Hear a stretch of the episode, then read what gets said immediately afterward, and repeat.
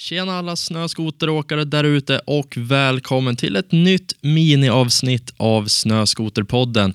I det här avsnittet så ska jag gå igenom någonting som jag själv haft väldigt svårt med genom åren, men som jag på senare tid har förstått mer i sin helhet och faktiskt lärt mig hantera rätt så bra.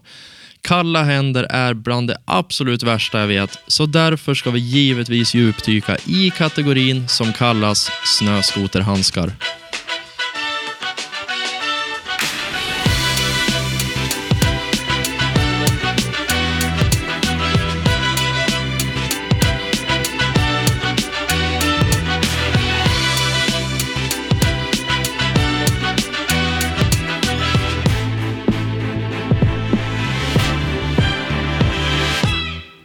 Många som tänker på skoterhandskar tänker direkt på supervarma, tjockt fodrade, höga modeller. Och det kan vara helt rätt om du ska åka långt med låg energiförbrukning, det vill säga att du sitter ganska still. Men om du har en varierad åkstil som de flesta har idag, alltså att man varvar lite ledkörning med lite pudersurfning på myrar till extremt te teknisk skogsåkning till att sen åka hem lugnt och försiktigt, då är mitt råd ha flera handskar med dig ut. Det räcker inte med ett par. Du bör ha åtminstone två till tre par när du är ute och kör skoter. Så jag tänker nu att jag ska guida er genom de tre handskmodellerna som jag tycker att alla borde ha med sig i ryggsäcken eller i tunnelväskan. Handskmodell nummer ett.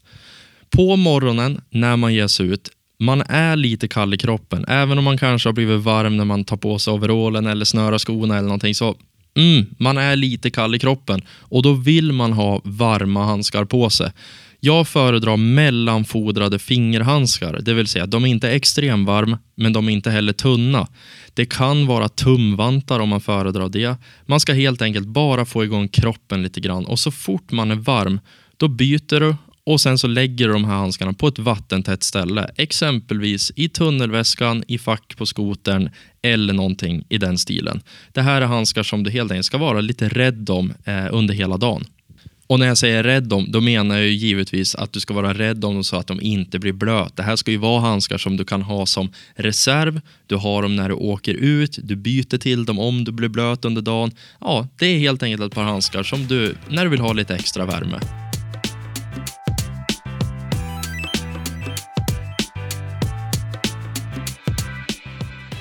Handskmodell nummer två som jag verkligen tycker att man ska ha i sin eh, utrustningsväska, det är ett par som man använder när man har fått upp värmen i kroppen och ska ge sig ut i lössnön i skogen. Då ska du byta handskar till ett par tunna. I de här situationerna så blir man generellt så varm så handskarna kan vara helt ofodrade men vindtäta. Det finns vissa, eh, ja, vad ska man eh, säga, hårdingar som kör med vanliga motocrosshandskar som det blåser rakt igenom. Jag personligen tycker att det blir alldeles för kallt. Men jag föredrar något som är åtminstone vindtätt. Det behöver inte vara fodrat. Den här typen av handske köper man egentligen enbart för ett enda syfte och det är att få bra grepp, mycket körkänsla.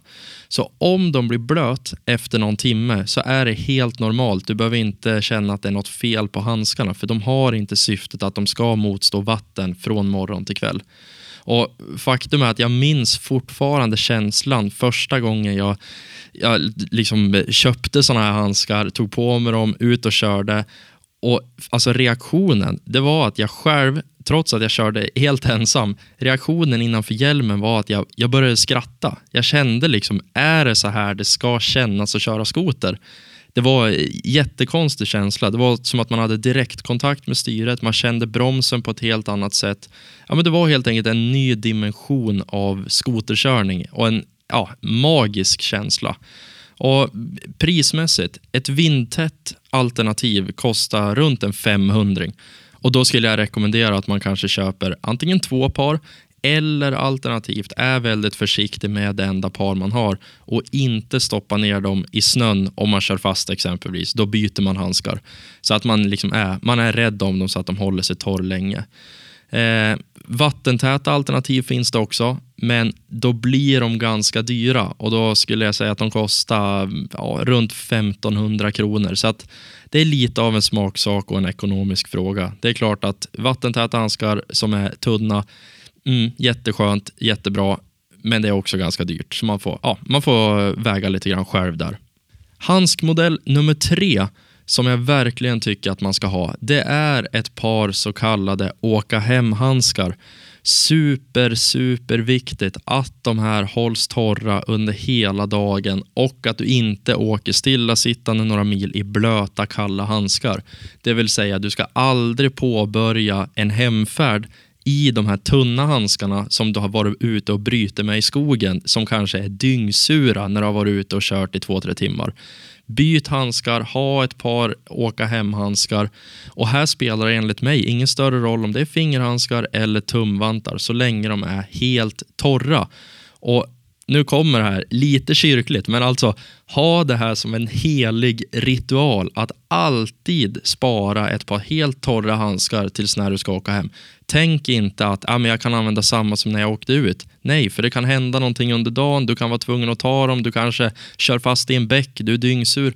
Ha alltid ett par som du har helt torra tills du ska åka hem.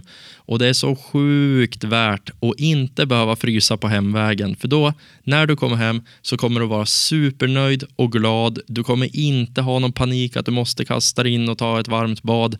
Du kan liksom stå och njuta och fundera på vad som har hänt under dagen. Det är helt enkelt en ny upplevelse att komma hem torr, glad och varm. Så ja, ta verkligen eh, de här tipsen till det, för jag lovar, det kommer bli så mycket roligare att köra skoter. Hoppas ni har gillat det här miniavsnittet och att handsktipsen var till belåtenhet. Följ gärna Snöskoterpodden på Instagram, skicka ett DM eller kommentera någon av bilderna och skriv vad du tyckte av avsnittet. Tack så jättemycket för att du lyssnar. Vi hörs igen i nästa avsnitt.